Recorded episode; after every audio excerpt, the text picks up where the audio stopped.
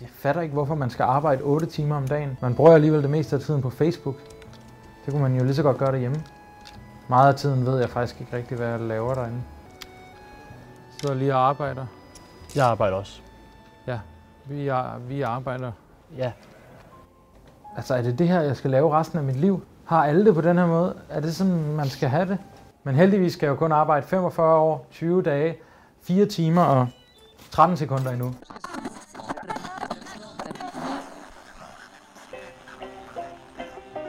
Du lytter til Radioaktiv, hele Venstrefløjens podcastkanal.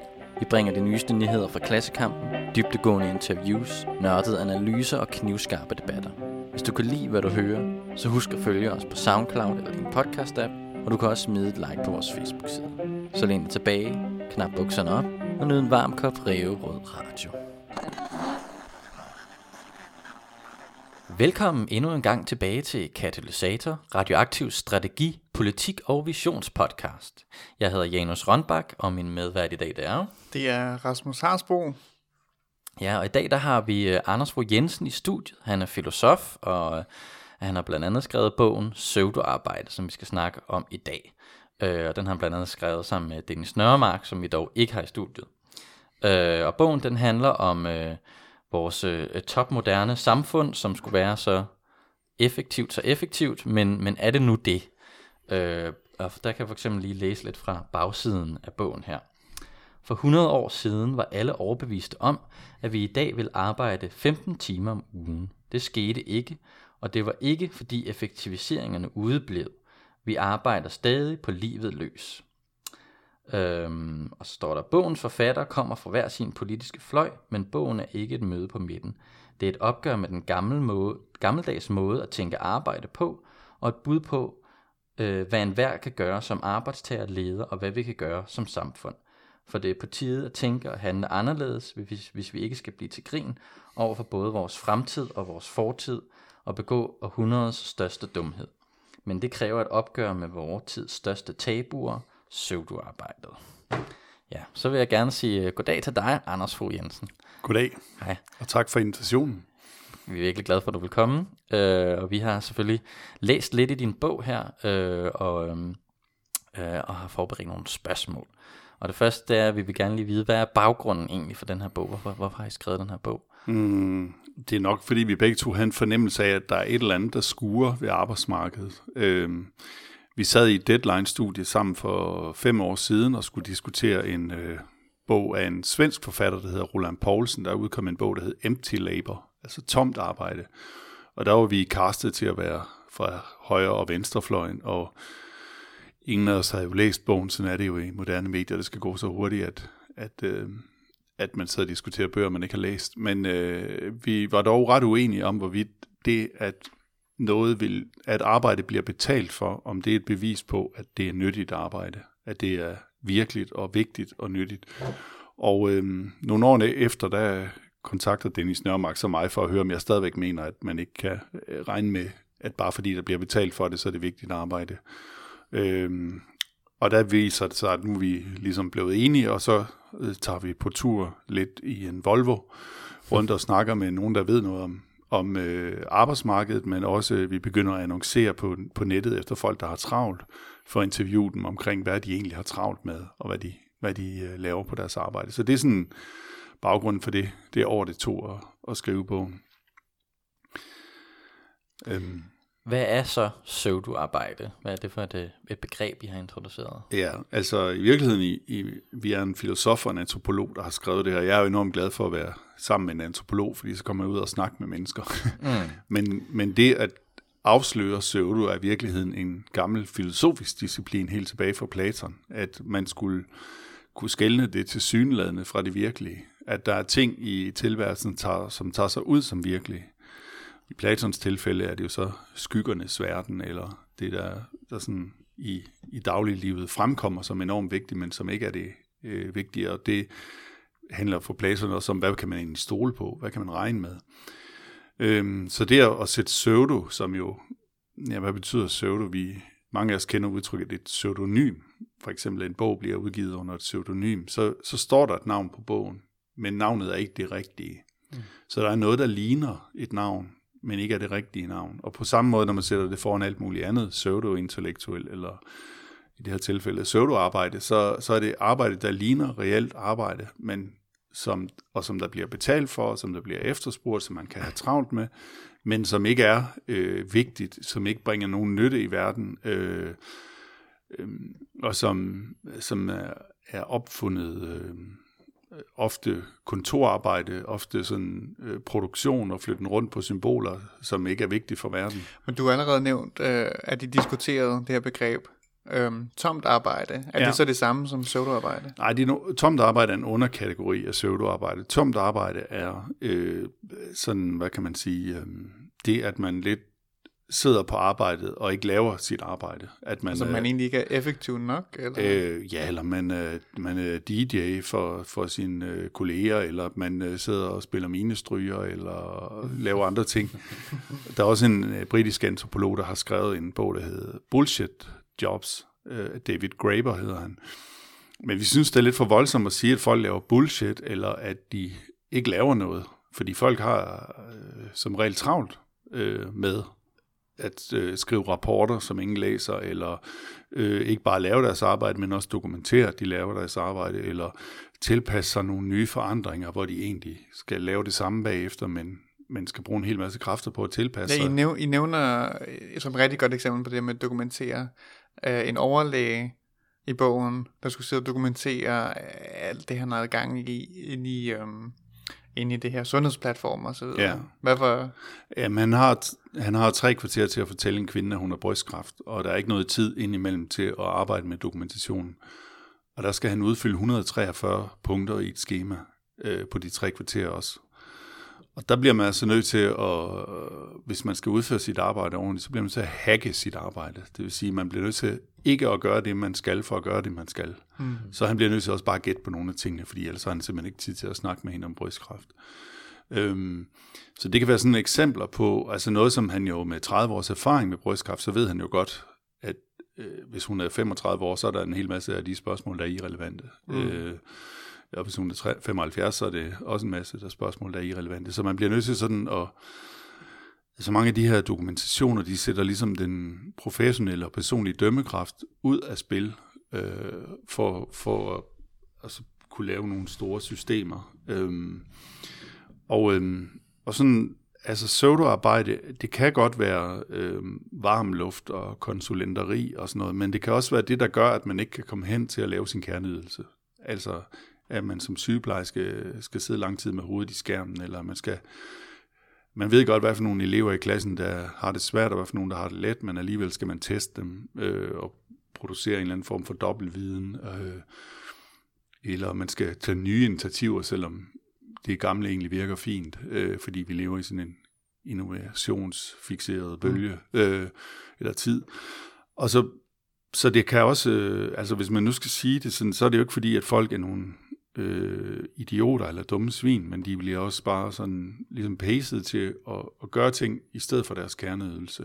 Det kan også være hjemmehjælperen, der ikke kan komme til at, at tale med de gamle, fordi hun skal sidde og registrere. Eller, øh, sådan, sådan er der øh, i, i mange jobs. Og så er der nogen, der i højere grad producerer pseudoarbejde til andre. Altså, øh, det er ikke bare djøfferne, men det er også...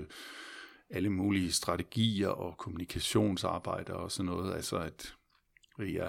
Øh. Ja, det virker lidt øh, på mig, som om I deler, deler øh, dem, der producerer pseudoarbejde for andre, op i ja, netop to grupper, sådan enten kommunikationsfolk eller djøf folk. Og, og, og, i mit hoved, så falder det lidt så falder det sammen med, at man kunne sige, at den ene er, af, af mennesker, folk, der arbejder med æstetik eller æstetiserer tingene, og den anden er folk, der arbejder med kontrol og kontrollerer, altså systemerne og, og evaluering og så videre. Er det, øhm, er det et opgør med det? Altså, det er ikke skurvognsromantik sådan at forstå, at det er alle dem, der bruger hænderne, der laver det reelle, og dem, der ikke øh, øh, hvad skal man sige, laver håndværk, eller øh, det man også nogle gange kalder varme hænder det er ikke skurmandsromantik på den måde, fordi selvfølgelig skal der være ledelse, selvfølgelig skal der være budgetter, og selvfølgelig skal der være øh, snakke om, hvor skal virksomheden eller kommunen hen af. Men der er bare det ved det, at, at i kontoret, der kan der eksplodere øh, en hel masse, eller udvikle sig sådan, som et mylder, en hel masse opgaver, som ikke er nødvendige, men som det ikke er specielt progressivt at være imod. Så man, man får som medarbejder ikke nogen belønning ved at til et møde og sige, nej, det synes jeg ikke, vi skal. Øh, det, man er tværtimod sådan ligesom opildnet til at sige, jamen det skal vi da også have. Og over i den anden kommune, der har de ikke bare en stresspolitik, de har også en mangfoldighedspolitik og en kønspolitik. Det skal vi da også have, i stedet for at sige, har vi egentlig brug for det? Altså, øh, og der bliver man sådan, der er ligesom en, alle vil gerne vise, at de er med på noderne, så derfor vokser det her, de her mængder af, af arbejde, som egentlig tager tid for det reelle arbejde. Øhm, så altså det er en lidt, jeg, jeg, er ikke, jeg synes ikke selv, vores skældning er så elegant igen mellem, hvad vi kunne kalde frontlinjemedarbejdere og backstage-arbejdere. Men mm. det, det er rigtigt, at inde bagved på kontoret, der kan det virkelig vokse. Men selvfølgelig kan der også foregå en masse frontlinje medarbejde, eller frontlinjearbejde, som er pseudoarbejde. Altså, det var en af de måder, man holdt fuld beskæftigelse på i, i det gamle Sovjetunionen, at man byggede noget, som der ikke var brug for, for eksempel. Mm. Så man kan godt være... Ja, der er den der med seks gadefejre, der står og fejrer efter hinanden ja. og sådan nogle ting. Ja. Det er jo også pseudoarbejde i ja. en eller anden forstand, og det, det har ikke noget med papir og kontor at gøre. Nej. Men det kan, vi, det kan vi komme lidt mere ind på, men jeg tænker på, I har også en, en, sådan en gennemgang af, hvordan vi egentlig er havnet i det her pseudoarbejde, ja. øh, og, og en gennemgang af arbejdstidens udvikling, øh, hvor I faktisk går helt tilbage til, til stenalderen. Øh, kan, kan du beskrive, hvad, hvad det er for en, en udvikling, I ser? Ja, altså den, den store katastrofe i arbejdstidens udvikling, det er, altså den første katastrofe var agerbruget, og den anden katastrofe var industrialiseringen. Det er et gammelt problem, ja. ja, det er virkelig gamle problemer. øhm, fordi man har aldrig arbejdet så lidt, som man gjorde i stenalderen. Og selvfølgelig er der ikke nogen af os, der vil leve, øh, som man gjorde i stenalderen. Øh, vi, lever, vi har jo vendet os til en anden form for komfort og forudsigelighed. Men den forudsigelighed, man gerne vil have med ærebruget, den kostede øh, enormt meget arbejde, så man finder skeletter derfra, så kan man se, at de har helt anderledes øh, diskusprolapser og nedslidte skeletter og sådan noget, end det man havde i stenalderen. Men der, hvor arbejdstiden virkelig topper, det er sådan 1870'erne med, med der industrialiseringen topper. Så er den så faldet lidt i det 20. århundrede. Stort set ikke sket noget siden 1970, og slet ingenting siden 1990. Så det vil sige, at alle de teknologiske forbedringer, vi har fået, dem har vi opsat, omsat i enten mere komfort eller mere øh, kontrol og sikkerhed og hvad jeg kalder flytten rundt på symboler. Altså vi har, vi har så at sige opfundet noget. Så når man konsulterer filosofer, økonomer og arkitekter fra 30'erne, som havde oplevet det teknologiske fremskridt, der sådan var i slutningen af det 19. århundrede, starten af 20. århundrede, så er de sådan ret overbevist om, at lige om lidt vil der komme en masse fritid, og man begynder at lave sådan tegne fritidsbyer, og øhm, man, har, man har overstået det, man dengang kaldte den store krig, altså Første Verdenskrig, og øh, ser på, at jamen, nu har vi produceret så meget til krigen, hvis vi nu ikke skal det længere, så må vi jo kunne arbejde meget mindre. Og, øhm, og det viser sig bare ikke at blive tilfældet. Så det er vi så også sådan lidt, vi, vi synes det er lidt flot, at skulle, hvis, hvis de her, for eksempel øh, filosofen Bertrand Russell, eller økonomen John Maynard Keynes sådan fra 30'erne spørger også nu, hvad laver I så? Er I meget sammen med jeres børn, eller øh, dyrker I ting, I har lyst til? Spiller I meget golf, eller laver I meget keramik, eller hvad, hvad, hvad, hvad bruger I tiden på? Og så må vi svare dem med flovhed i stemmen. Mm vi sidder på kontor, og vi har rigtig travlt, og der er rigtig mange af os, der går ned med stress. Og vi har endda også været igennem den digitale revolution, som de nok aldrig havde kunne forestille sig. Ja, lige præcis. Ja. Ikke? Mm. Og, og dengang talte man meget om, at nu ville maskinerne øh, overtage en masse af det, som hos de gamle grækere var slavearbejde. Øh, og man taler jo meget om, at nu kommer robotterne snart. Så i virkeligheden tænker jeg også, at vi har en mulighed for at få, øh, og det mener jeg positivt, et slavesamfund ligesom i antikken, men hvor slaverne ikke lider. Og spørgsmålet er så, om vi opfinder mere for at holde fuld beskæftigelse 37 timer om ugen, eller om vi faktisk giver os til at frigøre den ressource, som for alle de mennesker, jeg kender, er den deres knappeste. Alle dem, jeg kender, de kunne godt ønske sig flere penge, mere plads, ja, flere relationer. Nej, de har ikke engang, de ser ikke engang alle deres venner. Hvorfor gør de ikke det? Fordi de, deres knappeste ressource er tid. Det, de taler mest om det, de, det liv, de gerne ville leve, hvis de havde tid. Så ville de læse flere bøger, så ville de give sig til at spille mere klaver, eller hvad det nu er. Se deres børn, venner, forældre. Øhm, så, så vi står også i en situation, tror jeg, i historien, hvor vi har en mulighed for at frigøre mere tid, men hvor øhm, der er en hel masse sådan interne rationaliteter, som gør, at vi i stedet for finder på mere arbejde. Mm-hmm.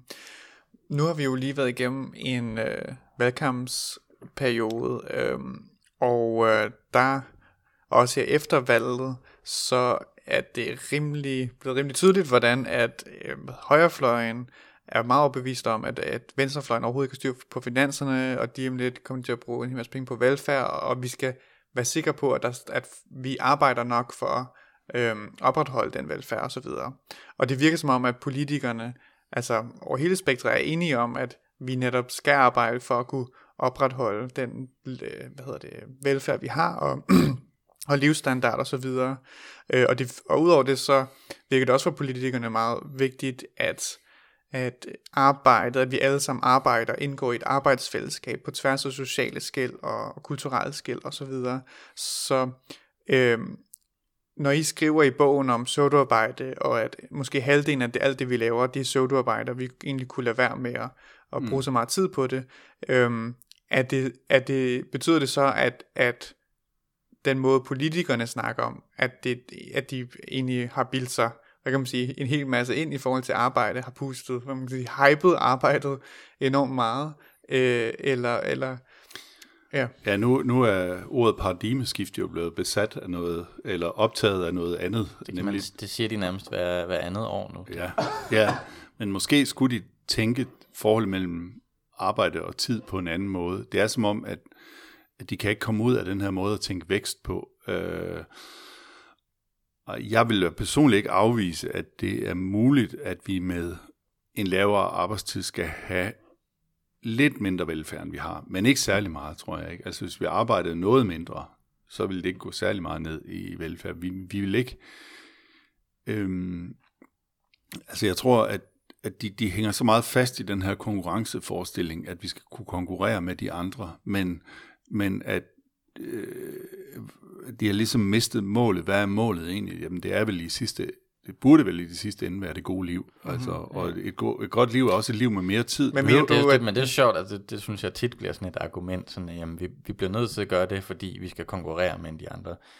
Øh, men det bliver så også et argument, når, man, når, der, når vi for eksempel laver argument, vi vil gerne indrette samfundet, samfundet på den måde, fordi det er godt for mennesker.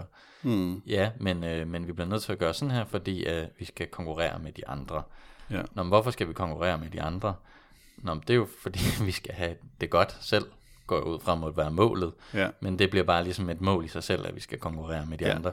Og så smider man ligesom de her ting ud, som egentlig er, er nogle, nogle ting, vi har lavet i vores samfund for, at at man bredt set har det godt, ikke? Jo, og øh. det, det som jeg vil tale for, heller ikke, øh, det behøver heller ikke at være, at man havde øh, lavere arbejdstid hver uge. Der er to, to andre ting, man kunne gøre. Man kunne, man kunne øh, indføre forskellige typer af overlovsordninger, så, så et otium ikke var noget, man kom på, når man var gammel, men noget, jeg tror arbejdsstyrken ville holde sig bedre, hvis den for eksempel havde fri hver femte år, eller, øhm, men det kunne også være, at man skulle løsne, vi har arvet en kobling mellem arbejde og tid og penge fra industrisamfundet, hvor det gav rigtig god mening at lønne folk for deres tid, dengang de stod ved samlebåndet, og sige, du skal være her så længe. Og det giver også stadigvæk mening i nogle jobs, altså en buschauffør for eksempel, eller øh, det er god nok mening at lønne folk for tid, men det der er, når man kobler arbejde og tid og penge i mere, hvad skal man sige, vidensmæssige erhverv og, og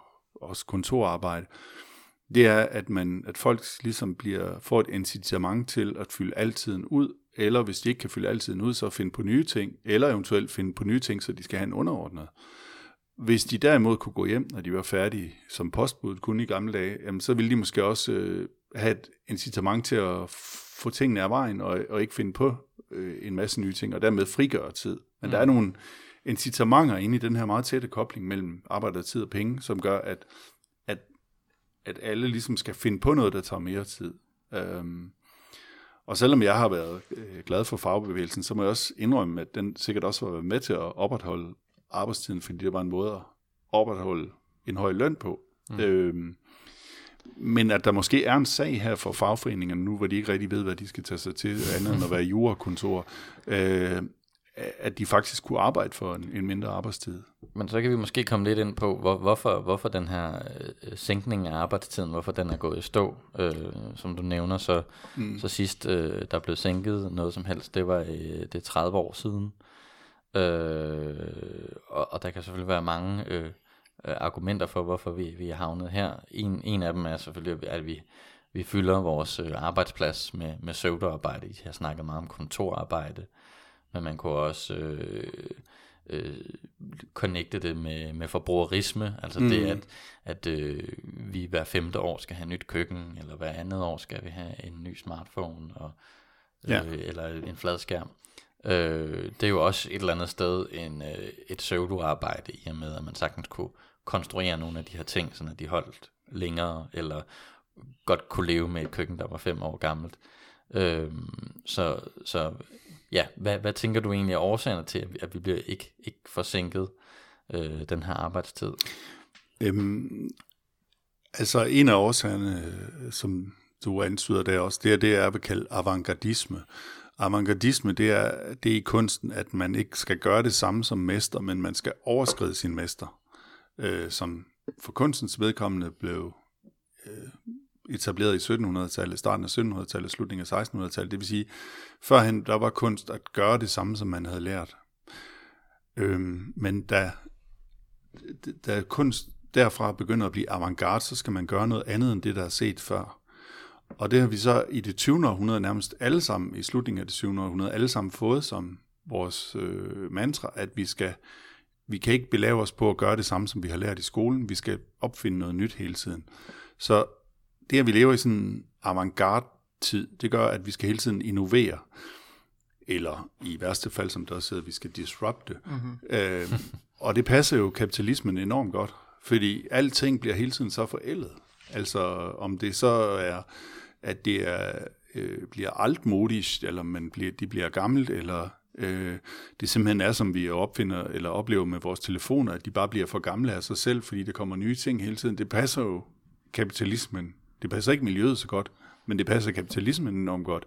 Så kapitalismen har også været en, en, en drivkraft i øh, produktionen er mere, som du siger, så skal man rive sit køkken ned hver femte år, eller hvad man nu skal. Og allerede en af de tidlige innovationsteoretikere, Schumpeter, han sagde det her med, at en innovation er en kreativ destruktion. Det vil sige, at der er også en masse, der bliver øh, overflødigt. Altså, så har man lige samlet al sin musik på bånd, så kommer CD'en eller pladen, og så kommer CD'en, og så har man lige samlet det hele på CD, og så øh, får man en bil, som der ikke har CD-afspiller, og sådan. Så, så det hele bliver sådan, der kommer en, produceret en masse overflod. Så jeg, det man kunne jo håbe, det var, at den her fokus på mindre arbejdstid også blandede sig lidt med, med miljøbevægelsen, og det at leve mere bæredygtigt, eller hvad man skal sige. Øh, fordi det, jeg synes også, vi taler om her, det er også, at det er ikke altid bæredygtige liv, at arbejde så meget. Øh, men men øh, jeg synes, der er mange, der er fortravlet og kan se ud til ikke at kunne holde til det, og det, det virker jo underligt, når man ser på, hvordan på alle de forbedringer, vi egentlig har fået.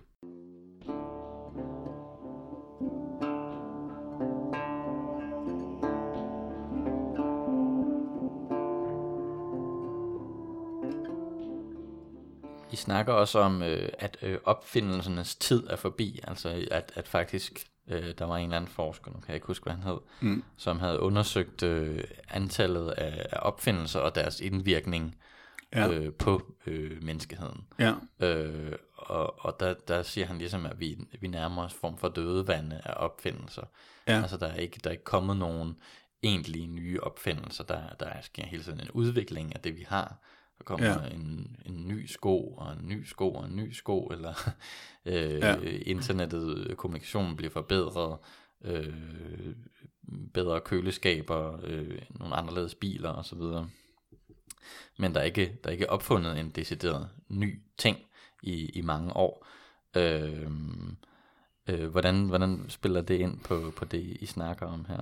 Mm, jo, man kan sige, at øh, det er selvfølgelig lidt en sandhed med modifikationer, men jeg synes, der er noget om det, at altså internettet blev opfundet i 50'erne af det amerikanske militær, så vidt jeg ved, og øh, ja, telefonen, som vi alle sammen render rundt med, den er jo også en gammel opfindelse. Så har man så bare samlet ting i telefonen. Mm. Øh, en gang troede vi, det var fjernsynet, alting blev samlet i, men nu blev det så telefonen.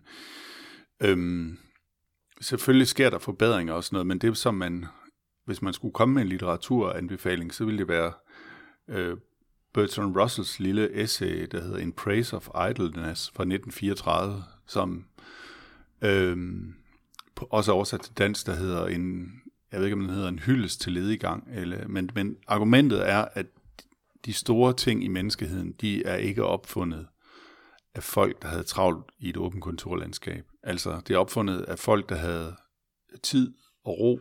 Øh, jeg ved godt, Bach havde travlt, øh, men de store romaner bliver heller ikke skrevet. De store, altså de store landvindinger og de ædle kunstnere, de bliver ikke opfundet af folk, der har travlt. Og det er, vi alle sammen har travlt og taler om innovation, det gør i virkeligheden, at vi bare ligesom hælder, hælder vin om på nye flasker hele tiden. Øh, så jeg tror ikke, man skal være så bange for ledegang. Man siger jo godt nok, at ledegang er roden til alt ondt. Men jeg tror, at når vi sidder, mange af os, inklusive mig selv, og bedøver mig selv på Netflix om aftenen, så er det fordi, at man er rigtig træt. Mm. Men hvis man fik meget mere fritid, så ville man måske gå i gang med nogle af de ting, som man forestiller sig, man selv er. Altså, jeg forestiller mig, at jeg er en, der læser mange bøger, men jeg læser faktisk ikke så mange bøger. Jeg køber bøger. Øh, Øh, jeg forestiller mig, at jeg er en, der kan gå i gang med at spille klaver, men jeg får aldrig taget hul på det. Øh, man refererer til ting, man gjorde for 10 år siden. Jeg tror, at hvis vi fik mere tid, så tror jeg ikke bare, at vi ville få dobbelt så meget Netflix. Jeg tror faktisk, at, at så ville der være, øh, der ville være, man vil være mere rolig, og man vil være mere, have mere tid til faktisk at give sig i kast med de ting, der tager tid. Men jeg kan godt forstå, at man at vi har forskellige former for bedøvelse nu. Mm.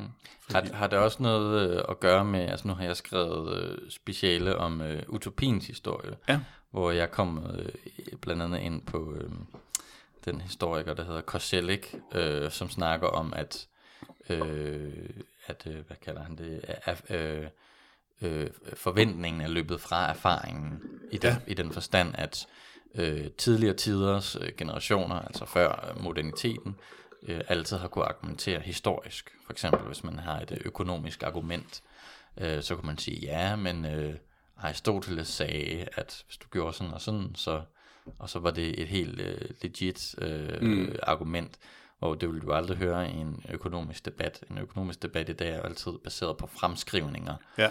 Øhm, og øh, så på den måde er erfaringen ligesom ikke brugbar for forventningen længere. Nej. Øh, og så er der så en, som hedder Hartog, som har bygget videre på det, som siger, at vi er fanget i en form for præsentisme.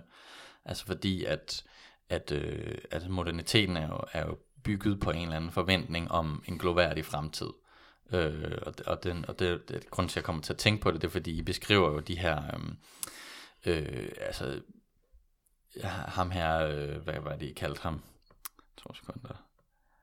Øh, Frank øh, Lloyd Wright, ja. som lavede de her fremtidsbyer i 30'erne, ikke? Ja. hvor øh, bilerne flyver og sådan noget. Hvis man ser sådan nogle science fiction film fra 50'erne mm. og 60'erne, så, så, om, så den tid, vi lever i nu, der burde vi flyve rundt, og ingen arbejder, alt automatiseret og sådan noget. Det er det så ikke. Mm. Øhm, og øh, hvad hedder det... Um, øh, det som ligesom er, øh, det så han så siger, det er, at vi har fanget den her form for, for præsentisme, altså hvor at øh, alting er en fremskrivning. Ja. At, at, der bliver ikke, der bliver ikke, fordi han snakker om det her, der bliver ikke opfundet noget nyt, øh, der er ikke den her vision om et radikalt anderledes samfund, der er bare en fremskrivning af, hvor vi står. En eller anden form for fastholdelse, fordi fremtiden er blevet øh, besudlet, kan man sige. Ikke? Og det er sådan noget af det, jeg beskæftiger mig med i mit speciale, at øh, også hvis man læser... Øh, hvad er det nu, han hedder? Ham, der har skrevet Thomas More? Holocaust i moderniteten. Ja. Øh, Sigmund Baumann. Ja. Øh, øh, han beskriver for eksempel, hvordan moderniteten ligesom er blevet besudlet af, af holocaust. Ikke? Vi har ikke undslippet fortidens barbari. Øh, holocaust var et udtryk for moderniteten. Mm. Øh, eller hele klima- og miljøproblematikken. Øh, eller hvis man ser på sådan, hvordan sci-fi har udviklet sig, så er de fleste sci-fi's i dag dystopier. Ikke? Øh, så, så vi befinder os i sådan en, øh, hvor, hvor der mangler en form for utopisk øh, tanke i tiden, at altså, det, altså når, man, når man siger 30 timers arbejdsuge, for eksempel, som dele af venstrefløjen siger, jamen så er det nærmest utopisk. Det kan Ja. simpelthen ikke lade sig gøre. Ja. Øh, og, og den der mangel på, på, på mulighed for at tænke utopisk, øh, grundlæggende anderledes, den, den er ligesom væk, og det hele er bare sådan en form for fremskrivning. Ja. Øhm, Ja, fremskrivning af det nuværende, man forlænger ja. kurver eller Ja. sådan noget. Ja. Altså, det man... Øh, altså, nogle gange taler man jo om nødvendighedens politik, ikke? At der, ikke, der mangler utopier, eller der mangler sådan idéer om, hvad, hvad er det for et samfund, vi gerne vil have, og så bliver det sådan mere med, nu, nu må vi gøre det og det, fordi det gør USA, eller fordi det siger, det, det, det, det, viser markedet, eller sådan et eller andet, og ikke øh, ja, netop produktion af utopier, eller det er det her samfund, vi vil have. Men noget af det, du siger også, at, at øhm, som passer sammen med det, jeg før kaldte avantgardisme, det er, at traditionen ligesom har mistet sin legitimitet. Man kan ikke sige, det her det er opsparet visdom gennem tusind år, at man skal ikke gøre sådan og sådan, eller vi skal ikke pille ved naturen, eller vi skal, hvad det nu er. Og det er en del af avantgardismen, at fortiden ikke tæller. Mm. Så øh, det, du kalder præsentisme, det kunne man måske også kalde øh, demens. Altså, man, man lever sådan i øjeblikket, øh, og så, ja, så netop, så forlænger man det, den nutid ud i fremtiden. Men man, man, man har glemt, hvad der var, eller man har glemt, øh, hvorfor var det, vi lavede EU, eller hvorfor var det, vi øh, øh, lavede velfærdsstaten, eller hvad var, altså man har ligesom, den er bare blevet, alting er blevet en selvfølge, og så bliver det sådan forlænget videre ud. Så der er også en, jeg vil også sige, der er en form for, der er både en form mangel på traditionsbevidsthed, men der er også en mangel for, på fantasi. Øhm, og så går vi ligesom bare til valg og vælger nogen, der, fordi vi har ikke andre muligheder end at vælge nogen, der, der forlænger øh, nutiden ud i fremtiden. Øhm, så det er jeg meget enig i, og det, det er også derfor, så virker det jo sådan ligesom helt øh, drømmerisk at begynde at snakke om, kan vi, kunne vi bare gå hjem, når vi er færdige med arbejdet, eller kunne vi bruge mere tid på noget andet? Øh, kunne vi lade være med at forny os, for eksempel bare? Altså, behøver vi, eller ikke bedre, at vi ja, netop fokuserer på tid, i stedet for det nye? Øh, sådan nogle ting virker jo helt øh, vanvittige at sige, men, men jeg synes bare, det, jeg synes ikke, det er så vanvittigt. Altså, det er det er bare at bruge sin fantasi lidt. Mm. Øhm, Jeg kunne godt tænke mig at vende lidt tilbage til uh, selve pseudoarbejdsbegrebet. Um, og, um, og ja, fordi nu sidder vi jo her, to unge mænd. Den ene er, jeg har lige siddet og snakket om specialet, og er blevet færdig med specialet, og jeg skal til at skrive det, og vi har jo været på universitetet og sådan. Og, øh, og jeg undrer, m- og jeg tænker på, om jeg så, du arbejdede også altså har snedet sig ind på universitetet, eller om universitetet er en af, alt, af medårsagerne til øh, pseudoarbejde, fordi når I nævner sodoarbejde, så er det altid øh, i, i netop i forbindelse med kommunikation og djøfisering, og, og man kan måske korte det ned til overakademisering. mm. Så har Nå, det ja, ja. også har den kritik af, hvad kan man sige, overakademisering, at, at det er også en kritik, der så går på universiteterne, at, øhm, at vi er blevet et overakademis- overakademiseret samfund, og, og at det her, at det er øh, det her med, at vi alle sammen skal have et øh, certifikat fra, eller diplom fra, fra universitetet, og så kan vi, og så kan vi op, hvad hedder det, um, så kan vi øh, opnå den her drøm, som I skriver om i bogen, om at komme ind på kommunekontoret og have det der kommunejob. Mm. Øhm, ja, Ja, altså, der er jo to ting i det. Dels om de laver pseudoarbejde på universitetet. Det vil jeg jo nok mene, der er en del af. Altså også... Øh, altså tit tænke på, om, om humaniora ikke igen kunne blive en, et filosofikum for alle, øh, og som var en formidling af tradition, øh, frem for noget, der skulle øh, præsentere en eller anden udvikling. Men det vi snakker om i højere grad, det er vel, om, om, der ikke, om det ikke er overuddannelse, og øh, at vi er mange, der er skuffet over, at vi ikke kan få lov at bruge vores uddannelse, og derfor prøver at opfinde noget, hvor vi er relevante. Øhm, jeg tror, at, og det er også noget af det, vi taler for i bogen, der er meget mere brug for dannelse, end der er for uddannelse, og at vi er øh, i forhold til at varetage de ting, så, øh, som vi skal i samfundet, så, så er vi, øh, ja, vi er på en måde, vi er underdannet og overuddannet. I, i Norge bruger de det udtryk, der hedder mastersyge, at mm. man, man alle skal have en master. Og ja, det jeg vil sige med det er, at de fleste lærer deres arbejde på deres arbejde. Øh, en, en, en god terapeut lærer at blive en god terapeut i terapilokalet, og ikke inde på psykologistudiet. Øh, det er selvfølgelig, betyder ikke, at man ikke skal have en basis af dannelse og viden om mennesket og sådan noget. Og, men, men spørgsmålet er, om man behøver at, være, at have en psykologuddannelse for det. Øh, de fleste af os vil gerne betakke os for at have en ung psykolog. Vi vil gerne have en erfaring, øh, fordi det, og det, det mener jeg, altså fordi det, det er erfaringen, der giver noget, og det, det mener jeg egentlig godt kan appliceres på alle mulige andre områder. Altså, i sidder og lærer at lave podcast nu af det her, ikke af, af jeres uddannelse, men det gør selvfølgelig, selvfølgelig trækker vi på nogle referencer, men de referencer kunne vi have fra en mere øh, generel dannelse, øh, alle sammen. Øhm, så jeg tror, at overakademiseringen og overuddannelsen er øh, et af svarene på, hvorfor der opstår så meget pseudoarbejde. Altså nu har man lige lært, hvordan man opstiller mm. regnskaber og kontrollerer ind på statskundskabsstudiet, øh, og så, gør man, så går man ud og gør det samme. Øhm, så øhm, hvis man kunne sige, ja. Jamen, så, så, men hvorfor, så spørgsmålet måske, hvorfor er universiteterne ind med at øh, blive en del af det hamsterhjul, kan man ja. sige, pseudoarbejds mm. Det kommer ud af ideen om, at vi er en konkurrencestat, og vi skal konkurrere med de andre stater, og vi kan ikke konkurrere på løn, altså skal vi konkurrere på viden. Mm. Og så tror vi, at, at så, er det, altså, så er det mere uddannelse, der ligesom er svaret på at klare sig i den internationale konkurrence.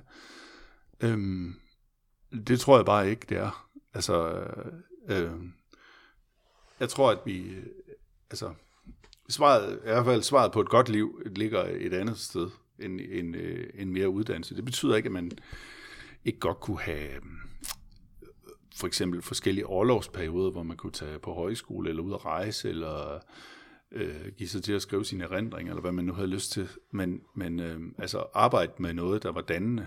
Øh, men, men jeg tror ikke, at det, det er produktionen af flere kandidater. Og jeg mm. synes også, at de fleste lærere, jeg taler med på videregående uddannelser, ikke bare universitetet, men de også gymnasiet og professionshøjskoler, de har en klar fornemmelse af, at niveauet bliver lavere og lavere. Mm, øh, så masseuniversiteterne er ikke, helt, ikke nødvendigvis en, en uh, hvad hedder det, en, um, en, uh, et skridt fremad på civilisationens uh, trappetrin. Nej, der kommer jo heldigvis det biprodukt ud af det, at nogen får, mm, får, får en vis uh, almen dannelse mm. af det, men, men det er ikke sådan, nej, det, det, jeg tror, det skulle, det skulle omlægges til at være sådan en, ja, en højere dannelsesanstalt frem for en højere uddannelsesanstalt, og så, øh, så måtte vi lære folk på arbejdsmarkedet og gøre deres arbejde bagefter om på den. Og det synes jeg også, der er tendenser til mere i lande som England og USA, at man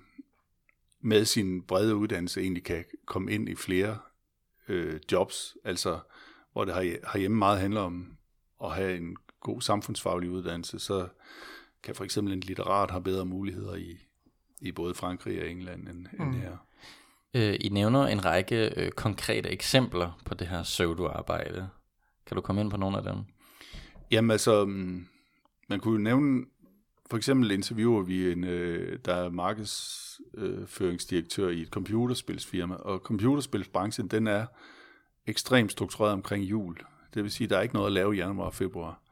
Men i stedet for at ansætte folk, så de må holde fri i januar og februar, så sender man dem til alle mulige, lave alle mulige strategier og processer og øh, øh, forskellige ting, som ingen kan huske, når man når frem til marts. Øh, så det er sådan et eksempel på, hvor man er så bundet til tid og, og til, at man skal arbejde hele året rundt.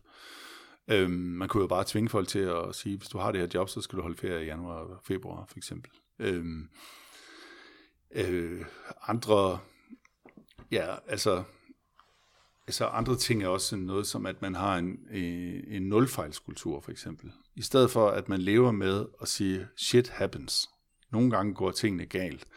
Så vil man, for eksempel, vi, vi har et eksempel på en med en mand på et plejehjem, der dør af flødekartofler. Og det, det er jo selvfølgelig forfærdeligt, at en mand dør af flødekartofler. Jeg vil blive meget ked af det, og harm, hvis det var min egen far. Mm. Men hvis, hvis man skal have en fejlprocent ned fra 20 til 0,1 procent, så kan man gøre det relativt let. Men hvis man skal ned på 0,0001 promille, eller helt i 0, så er det rigtig øh, dyrt. Det, det er meget rationelt at gøre det, men det er ikke fornuftigt, hvis man kan sige det sådan. Altså, det betyder så bare, at alle de arbejdere på plejehjemmet, de skal rende og bruge en masse tid på både at måle kartofler flere gange og skrive ned, at de har målt, så, så alle har deres ryg fri, så at sige. Hvis man kunne leve med lidt flere tilfældigheder, så ville man også kunne undgå en masse søvdearbejde, men vi er ligesom ikke villige til at acceptere, at tilfældet sker. Der er ingen politiker, der kan blive valgt på at sige, en gang imellem dør der en dreng af epilepsi, en gang imellem dør der en af flødekartofler. Shit happens. Ja, hvis der var lidt mere shit happens, så kunne man undgå. Øh, Men vi er ligesom, der er ligesom nogle rationaler, der skaber mere søvdearbejde, som går imod, hvad der egentlig er fornuftigt, eller hvad der egentlig var arbejdets mening. Altså det kunne også, øh, det kunne være, øh, der er sket nogle misforståelser. Så må vi kommunikere noget mere, så må vi skrive nogle flere mails, så må vi have nogle flere på CC. Det gør så, at folk de sidder to timer hver dag foran computeren, så de ikke kan udføre deres reelle arbejde. Men det, det virker irrationelt at sige, nej, der, ja, der er sket en misforståelse, men nej, vi skal ikke kommunikere mere. Øhm, så man skal næsten optræde irrationelt for at gøre det fornuftige. Og det, det gør, at, at det, det, det er der ikke nogen, der kan blive valgt på, eller det bliver man ikke øh, belønnet af i firmaet, eller Altså, så, så, så det, det, det er som om, det er nogle gange de rationaliteter, de får deres eget liv. Selvfølgelig skal vi have mere kommunikation, mere sikkerhed, mere kontrol, mere overblik. Øh, øh, øh, lave en øh, rapport over, hvordan det går op til, hvor mange ting vi har, og hvordan de bliver brugt og sådan noget. Men hvis man kunne leve med at have mindre overblik, tilfældet sker, at øh, øh, det bliver man jo ja. næsten tvunget til med det eksempel, du nævner med ham lægen der, ikke? Altså, jo. At for at kunne gøre sit arbejde, så bliver han nødt til at have mindre overblik. Ja, ja eller... Eller hvordan man skal jo, jo, det. Jo, ja. Eller netværksprinteren øh, virker aldrig, fordi det skulle være så smart, at vi har lige fået et nyt system. Hvis man skal gøre sit arbejde ordentligt, så skal man gå ned i Elgiganten og købe en lille printer, og så bare printe på den. Altså, mm. øh, altså man, man kan sådan... Det grænser selvfølgelig til civil ulydighed, øh, men nogle gange kan det være nødvendigt for, altså det hedder jo i filosofien, om der gives en etisk suspension af det lovlige, øh, hos Kierkegaard i hvert fald, altså om, om man ikke nogle gange er et bedre menneske ved lige sådan være på kant af loven. Mm. Jeg mener, socialrådgivere, øh, de bruger 82 procent af deres tid på administration. Og det var ikke derfor, de blev socialrådgiver. Det er heller ikke nødvendigvis det, der er bedst for borgeren men alt handler om, at vores kommune ikke må få en tøndersag. Øh, mm. Så hvis man er så bange for fejl, så kommer det til at producere en hel masse ekstra administrationer. Det er det, jeg synes, der er, der er ufornuftigt, selvom jeg godt kan forstå rationalerne i det. Altså, jeg kan godt forstå, hvordan vi kommer derhen, ligesom jeg godt kan forstå, hvordan vi kommer hen til overuddannelse, fordi vi tror, vi skal leve af viden. Men, øh, men der er brug for at, at træde ud af de rationaler og, og sige noget, der i forhold til rationalerne er irrationelt. Nej, vi skal ikke tælle. Nej, vi skal ikke kommunikere mere. Nej, vi skal ikke, øh, vi behøver ikke at forny. Øh, så altså det, øh, det vil jeg sige, det, det, det er ikke fordi, jeg taler for vanvittigt, men, men den fornuft, der, der samtidig øh, lokalt kan se irrationel ud.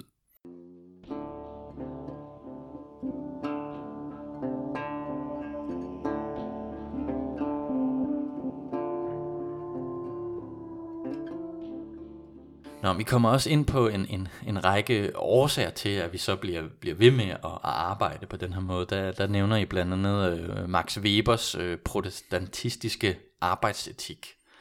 Øh, kan du komme lidt ind på det, og så måske også øh, modsætte den til, til måske nogle andre øh, måder at forstå arbejdet på, øh, og hvorfor vi egentlig arbejder øh, specielt Marx og hans mm. fremmedgørelsesbegreb, som virker ret øh, relevant i forhold til det her pseudoarbejde. Mm. Altså, det som ligger i den protestantiske arbejdsetik, som Weber jo mener udvikler sig fra kalvinismen, det er det, at man er prædestineret. At det vil sige, at Gud har bestemt sig inden, om man er frelst eller ej, men at man igennem sit virke kan så at sige fremkalde beviser på, at man er øh, udset af Gud til at at blive frelst. Og det er blandt andet ved at være virksom og driftig og sådan noget. Så der har vi så i den protestantiske kultur fået arvet det begreb, at det godt menneske det er et, der har travlt og arbejder meget. Og det sidder vi fuldstændig fast i. Øh, jeg vil sige det sådan, hvis en antik græker så på os nu, så vil han klasse sig på lårene og sige, det er sgu da ikke sejt at arbejde. Det er da noget, vi har slaver til. Det er da cool ikke at arbejde. øhm, og, øh, og det sidder vi jo enormt meget fast i, også øh, som, som væsener, altså når vi, at man er... Altså du mener, vi binder rigtig meget identitet op på... Ja, og det er flot at komme og sige, at man ikke arbejder, og, og øh, vi, det er noget af det, vi præsenterer os på også. Hvad, hvad laver jeg? Hvad laver du? Og, øhm, så, så vi har bundet rigtig meget identitet i arbejdet, og det er også noget af det, der gør, at det er øh, svært at tale om, at det, man laver, er pseudoarbejde. Det bliver tabu at sige, at det, jeg laver, det er egentlig overflødigt. Øh, bliver svært at, at indrømme det, både over for sine kolleger og sin mand eller sin kone. Så vi har bygget meget øh, selvværd op omkring det. Og det er jo det, som man også kan se, når folk for eksempel går på efterløn, at det tager lidt tid for dem at vende sig til deres nye identitet som en, der ikke er på arbejdsmarkedet. Og det vil også, derfor vil vi heller, heller ikke bare kunne skrue ned for arbejdsmængden, afskaffe søvdearbejdet, og så regne med, at folk at der ikke er en overgangsfase, hvor man lige skal vende sig til en anden identitet. Men det, som vi er kommet væk fra, øh, og som især den tidlige Marx påpeger, det er, at altså, han overtager jo et, et, en antropologi fra Hegel om, at, at mennesket er et arbejdende væsen. Og med det mener han ikke nødvendigvis en lønarbejdende væsen, men et forarbejdende væsen. Det vil sige, det er et menneske, menneske står i stofskifte med sin omverden. Det, det, øh, det øh, det fanger fisk, eller det former en krukke af ler, eller hvad det nu gør. Det, øh, det er arbejde som aktivitet. Så det er også lige vigtigt at have med, at, at kritikken af pseudoarbejde, det er ikke en, det er ikke for, at vi skal blive passive, men det er for, at vi skal få nogle aktiviteter, som giver os resonans, eller som vi kan spejle os selv i. Og det som Marx, den tidlige Marx jo påpeger, det er, at når man arbejder, så yderliggør man sit indre, og inderliggøre sit ydre. Det vil sige, at man laver måske en skål. Man kan genkende sig selv i skålen, fordi man har lavet den, men man får samtidig også lidt håndværkerhænder, eller det påvirker en at, øh, at arbejde. Men øh, i det øjeblik, man indgår i, i hele lønarbejdscirkuset, så bortgiver man hele tiden sin arbejdskraft. Så det, hvor man egentlig skulle kunne genkende sig selv i, det er lige pludselig noget, der forsvinder væk fra en. Og det er der i, man bliver fremmed over for verden. Så i virkeligheden, så kan man også sige, at i alt det her øh, kontorarbejdsverden, at der er der rigtig mange, der laver noget, som de ikke kan genkende sig selv i. Og så laver de en, en øh, PowerPoint, eller skriver en rapport, eller øh, gør alt muligt, som, øh, som ikke, hvad skal man sige, det er ikke deres egen, selvom de måske starter nogle projekter, så er det så er det så fluffy, at det, at det er kommet væk fra at være deres eget, og det er måske også det, man kan genkende nogle gange. Jeg ved ikke, om lytteren har prøvet, men jeg har i hvert fald ofte prøvet, at jeg kan ikke, jeg kan ikke gengive til tredjepart, hvad en af mine venner laver. De vennerne har forklaret mig, hvad de laver på deres arbejde. Når jeg så skal gengive det til tredjepart, så smuldrer ordene. Fordi øh, det bliver sådan noget, hvad er det egentlig? Eller, og, og i starten troede jeg, at det er fordi, det er så svært for mig at forstå, og det er, men det er ikke fordi, de arbejder med atomfysik eller et eller andet sådan helt vildt vanskeligt abstrakt. Det er måske fordi, at det er, øh, at vi lever som fremmedgjorte væsener, der tilfredsstiller en hel masse forventninger, som der også bliver betalt for og ansat folk til, men som vi ikke sådan egentlig synes er vigtige, eller altså det dæmrer for os, tror jeg nogle gange, at gud, jeg, jeg bruger faktisk min tid på noget, som det var ikke derfor, jeg læste det her. Jeg, jeg læste ikke til sygeplejerske for at sidde og udvikle nye sundhedsstrategier for kommunen, eller øh, sådan, altså, der er et eller andet, der ligesom som dæmmer i os, og jeg tror, at der altså en form for meningsløshed, der sniger sig ind, og der godt kan være stress øh, eller ubehag relateret til den form for arbejde, selvom man måske skulle tro, at det er da fedt, du har noget at du ikke rigtig laver noget, eller at du laver noget, som folk vil betale så meget for, eller så er der faktisk en eksistentiel utilfredshed, som, som kan mærkes inde bag ved fremmedgørelsen stadigvæk. Jeg udvider faktisk øh, stressbegrebet lidt øh, på en måde, som jeg ikke lige havde tænkt over før, nemlig at, øh, at stress jo ikke, ikke kun kan være udtryk for travlhed, men også en form for øh, meningsløs kedsomhed, altså Ja.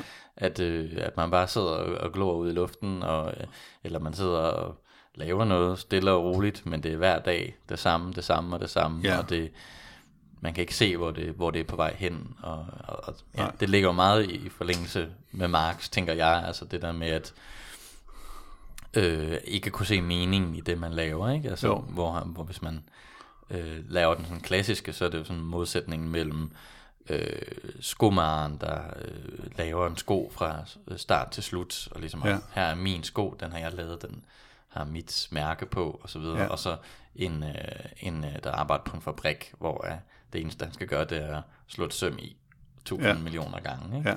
Ja. Øh, og, og den, den fremmedgørelse af det her, og så Ja. nu er vi så nået til det her øh, kontorlandskab øh, øh, i stedet for fabrikken, hvor at øh, øh, meningsløsheden måske stiger endnu mere, fordi at, at det ikke engang er noget konkret, man laver, det er bare sådan Ja. et eller andet papir, man udfylder. Ja. Øh, Ja, og nu, øh, nu nævnte du Kierkegaard før, han skrev jo, at det er ikke ledegang, der fører til, der er roden til alt ondt, men det er kedsomhed, der er roden til alt ondt. Mm. Ja, eller i hvert fald hans æstetiker er, Ja, hans er rigtig æstetiker bange det. for det, ikke? Ja. Ja. Øhm, og man kan sige, det, det som I siger der, det er jo også, at, at øhm, det vil jeg formulere som det, er det at avantgardismen ikke har nogen retning. Mm. Altså fordi, hvad er det gode? Det er det nye. Jamen, hvor skal vi hen? Det ved jeg ikke. Bare det er nyt. Mm. Bare det er nyt. Og det kan jo, så kan man godt have travlt med øh, omstillingsprocesser og change management og alt muligt, men, men øh, det, hvis der ikke er nogen retning på det, så, mister, så, så begynder meningen at sive ud af det. Og så er der et andet problem, som er mere udpræget i Sydeuropa, hvor det er meget svært at fyre folk. Det er, at når, når man er utilfreds med deres arbejde, eller man skal have omstruktureringer, så er det alt for dyrt at fyre dem, så man tømmer deres arbejde for funktioner øh, for at få dem til at sige op selv. Og så kommer der, så kommer der en masse af det, man kalder, man har simpelthen en diagnose, der hedder bore out, at man, at man, man sidder og har ikke noget at lave, eller man skal prøve at se ud, som om man laver noget. Og det er faktisk ikke så fedt, som man skulle tro. Det er faktisk mm. bedre, tror jeg, også som Marx siger, at stå i, i stofskifte, og, og man synes, man gør noget, fordi det her skal komme ud af det, men det at sortere sin inbox på en ny måde hver dag, det, det, mm. det, det bliver meningsløst i længden. Altså. Mm. Vi har, øh, vi er ved at, hvad hedder det, lagt mod enden. Vi har stadig lidt tid endnu. Øhm, men øh, så jeg tænkte, at det kunne være sjovt at spørge dig. Nu er det et års tid siden, lidt over et års tid, siden mm. bogen kom ud, og I lancerede det her øh, begreb, pseudoarbejde. Øh, der er Dennis Nørmark. Og øh, ja, hvordan er det år gået? Der var rigtig meget debat omkring bogen, lige da den kom ud. Øh, er, det, er det et begreb, der ligesom har slået rod, og, og er, er der stadig øh, resonans? Det synes jeg, der er. Altså, vi lever jo i en tid, hvor bøger bliver hurtigt glemt. Altså, det er jo en del af avantgardismen, at de bøger, der udkom sidste år, de er ikke noget værd i år. Øh, det kan man jo tydeligt se ved år på bogmesse. Det, man kan håbe, det er, at der ligesom er et begreb, der øh, får fat. Øhm, og det synes jeg faktisk, altså, dels får vi mange mails stadigvæk fra folk, der kan genkende uhyggeligt meget, men der er også virksomheder, som er begyndt at have det med på deres møder, at man altså at åbne muligheden for, øh, som en formulerede det, at man skal, hos os, der skal man kunne sige, at der er tilløb til pseudoarbejde på, på morgenmøderne. Altså det, der er vi i gang med der, er det måske ikke. Mm. Øh, så der er nogen, der som er, har taget det lidt til sig, og altså det skulle jo nødt bare blive et mobbebegreb på gangen, at man kunne pege og sige, at de andre laver pseudoarbejde, men at man får, får stoppet nogle af de ting. Mm. Så, så jeg synes faktisk, at det, og det virker også som om, at det har, har gang på jord i den forstand, at der er mange, der kan genkende det, øhm, og kommer med stadig nye eksempler, som vi godt kunne have haft med i bogen. Mm. Og øh, nu har der jo, som øh, vi lige snakker om, øh, været re- regeringsskifte. Er, giver det nogle nye muligheder for bekæmpelsen af pseudoarbejdet, eller er det... Øh, eller er det den samme altså, trummerum? Det er måske lidt øh, storland, men jeg havde da håbet, at det havde været med i valgkampen. At nogen sagde ikke bare, at vi ville sørge for mere vækst, men vi ville sørge for at bringe pseudoarbejde, komme pseudoarbejde til livs. Men øh, jeg hørte for eksempel Mette Frederiksen sige, at der skal være færre konsulenter arbejde i det offentlige og sådan mm. noget. Og det er måske et, et skridt derhen af, at man, man gerne vil forsimple tingene. Men det, som jeg tror, det er, at det skal ikke foregå igennem udvalg og at vi så skal have et forsimplingsudvalg og en forsimplingsprocedure, mm. men at man simpelthen bare lader... Vi skal ikke disrupte pseudoarbejdet.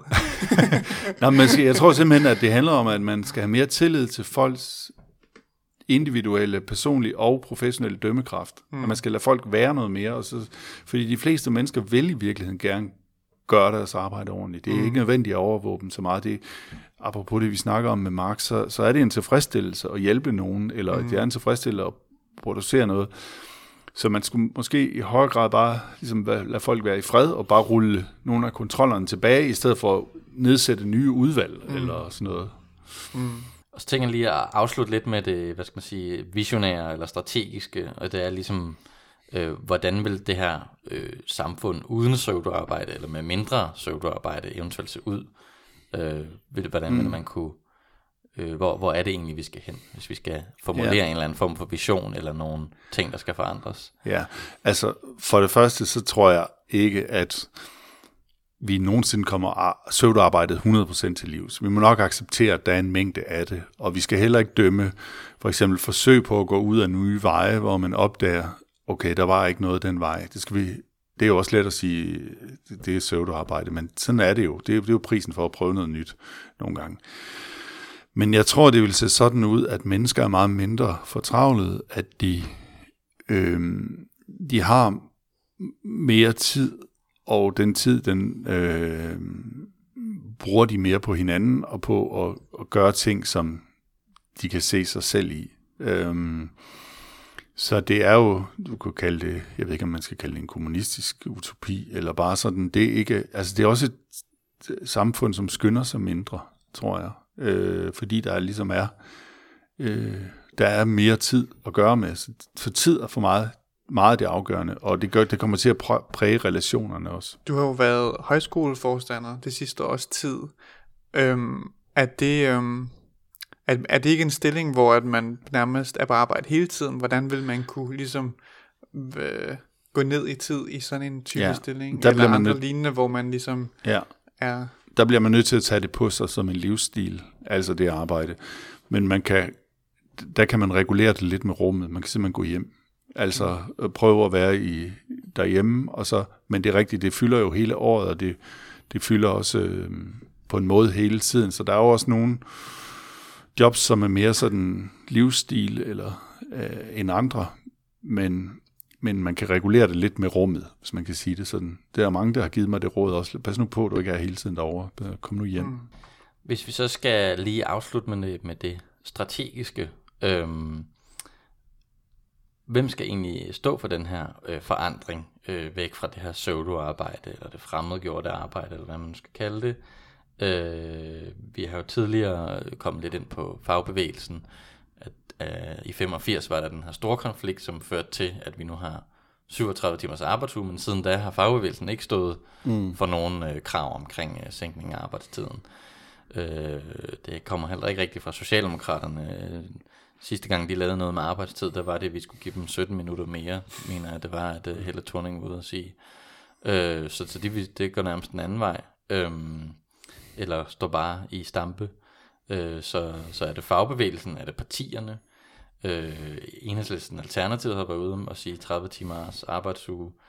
Er det civil ulydighed? Øh, er det ligesom øh, den her bog, som jeg også nævner, øh, der hedder Goddag til Dogenskaben, en øh, fransk kvinde, Corianne Meyer, som, øh, øh, som ligesom har... Øh, øh, med, med, altså, hun er ligesom blevet udsat for alle de her chefer, der har sagt, vi er alle sammen i samme båd i det her firma. Oh, alle mulige store ord. Øh, man kan se, hvordan det bare er løgn, og de i virkeligheden bare vil have mest ud af hende. Så hun har bare valgt at, og, øh, og ligesom være doven med vilje mm. på sin arbejdsplads. Så en form for civil ulydighed der, eller øh, ja, hvad er, det, hvad er det, vi skal gøre for at nå, nå øh, ja. fremad på det her punkt?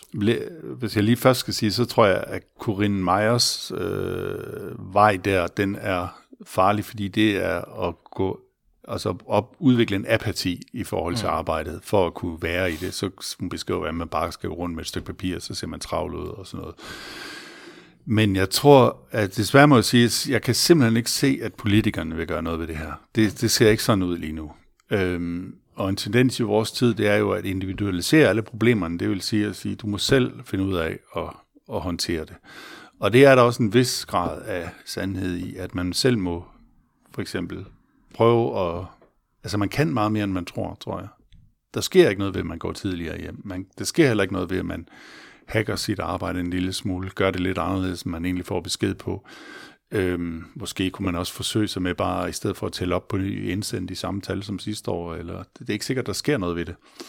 øh, så man har mere frihed, end man tror, men jeg tror ikke, at det alene skal være individet. Jeg tror også, at det er op til lederne, at øh, øh, for, øh, for trivselen på arbejdspladsen at sige, okay, er der noget, altså ligesom belønne at nogen peger på pseudoarbejde, øh, i stedet for bare at sige, at dem, der ikke går ind for det nye, det er, de i bagstræberiske, eller øh, øh, hvad hedder det, sådan noget forandringsresistente, eller sådan noget. Men så, så jeg kunne godt se, at både fagbevægelsen kunne have en opgave der, eller kunne finde sig en ny opgave, som handlede om at få, få mindre arbejdstid, eller få mere fleksible skraldespands, eller hvad hedder det, skraldemandsmodellen, som var øh, i Aarhus, at man hver femte uge tog en, der var på dagpenge ind, øh, og så rokerede at have fri hver femte uge, for eksempel. Sådan noget. At de kan, de kan prøve at arbejde med mere fleksible ordninger på arbejdsmarkedet, lavere arbejdstid, og at lederne også kan ligesom prøve at give plads til det. Altså lade folk gå hjem, når de er færdige, i stedet for at, at sige, at så skal de lave noget mere. Altså på den måde belønner man jo ikke, at folk er hurtige, for eksempel. Så, så jeg tror, at det kommer fra et, et øh, nedefra, og, og, og også fra sådan et, et ledelses- og, og fagforeningsniveau, men jeg kan simpelthen ikke se, at øh, nogle politikere lige nu er ved at tage tiltag til det. Jamen, øh, så tror jeg, vi har været hele vejen rundt. Jeg vil sige tak, fordi du er med, Anders. Og, øhm, Selv tak. Ja, tak fordi du lyttede med, og vi ses næste gang. Hej hej.